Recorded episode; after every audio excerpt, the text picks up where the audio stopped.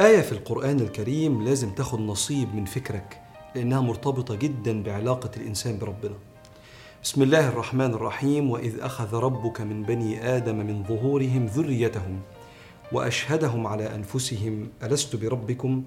قالوا بلى شهدنا أن تقولوا يوم القيامة إنا كنا عن هذا غافلين. الآية دي بتشرح اللقاء الأول اللي حصل من الله مع جميع البشر وهم أرواح. بيلخصها سيدنا رسول الله عليه الصلاة والسلام لما خلق الله آدم مسح على ظهره بيده فاستخرج كل نسمة هو خالقها إلى يوم القيامة وأشهدهم على أنفسهم ألست بربكم؟ فقالوا بلى شهدنا.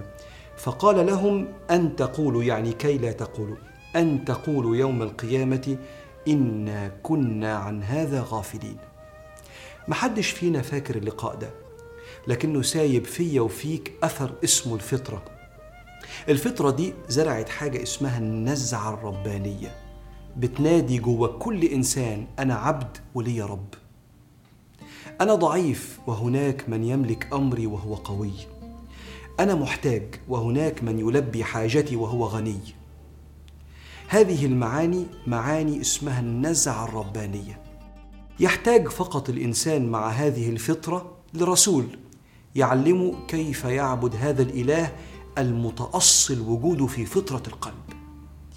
عشان كده عبر التاريخ كانت البشرية بتتخذ آلهة بسبب هذه النزعة الربانية.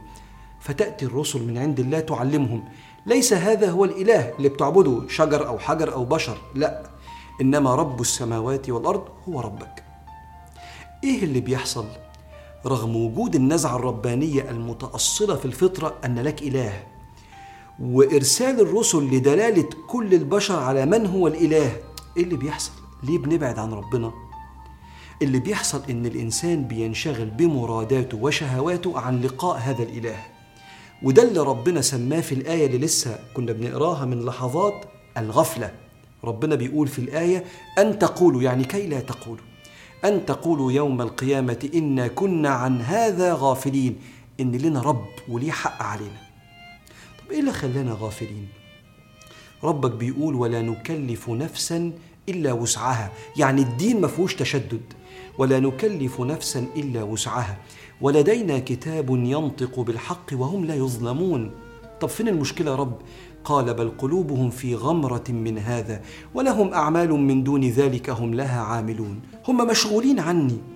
فنسيوني ونسيوا لقائي. شوية متع في الدنيا ربنا أباح لنا إن إحنا نستمتع بيها ولكن نؤدي حق الله. فلما الفلوس تشغلني عن الصلاة وتخليني أناني أنا كده غافل بسبب طلبي للمال الحلال بس خلتني غافل عن ركن من أركان الشريعة وهو الصلاة. لما أدور عن حب الجنس الآخر بطريقة ربنا ما يرضاهاش وأغلط كتير دي غفلة عن ربنا.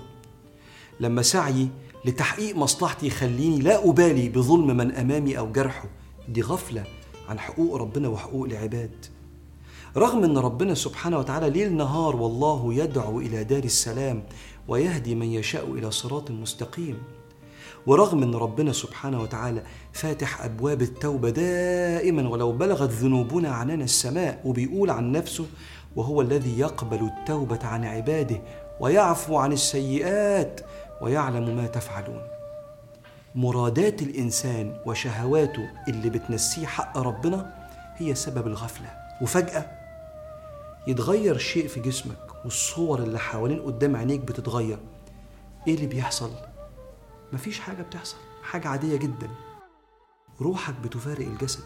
أنت بتسيب الدنيا من دار العمل اللي هي الدنيا إلى دار الجزاء اللي هي الآخرة. شيء طبيعي مفيش شيء غريب. ربنا قال لنا إن إحنا في يوم من الأيام في الآية اللي قريناها أول الكلمة إن إحنا في يوم من الأيام هنقابله.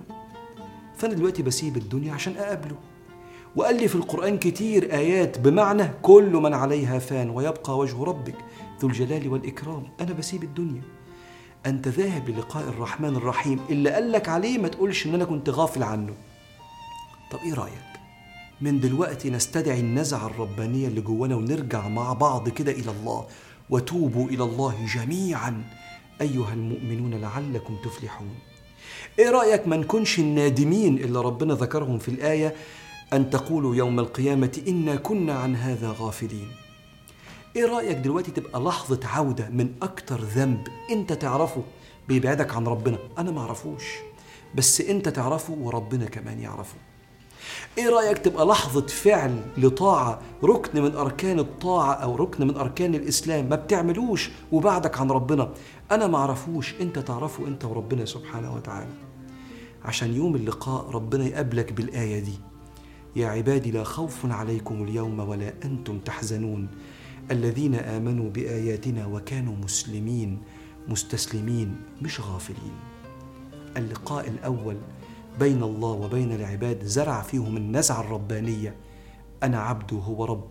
حافظ على النزعة دي ولا تغفل عن الله. فاللهم خذ بأيدينا إليك. أخذ الكرام عليك.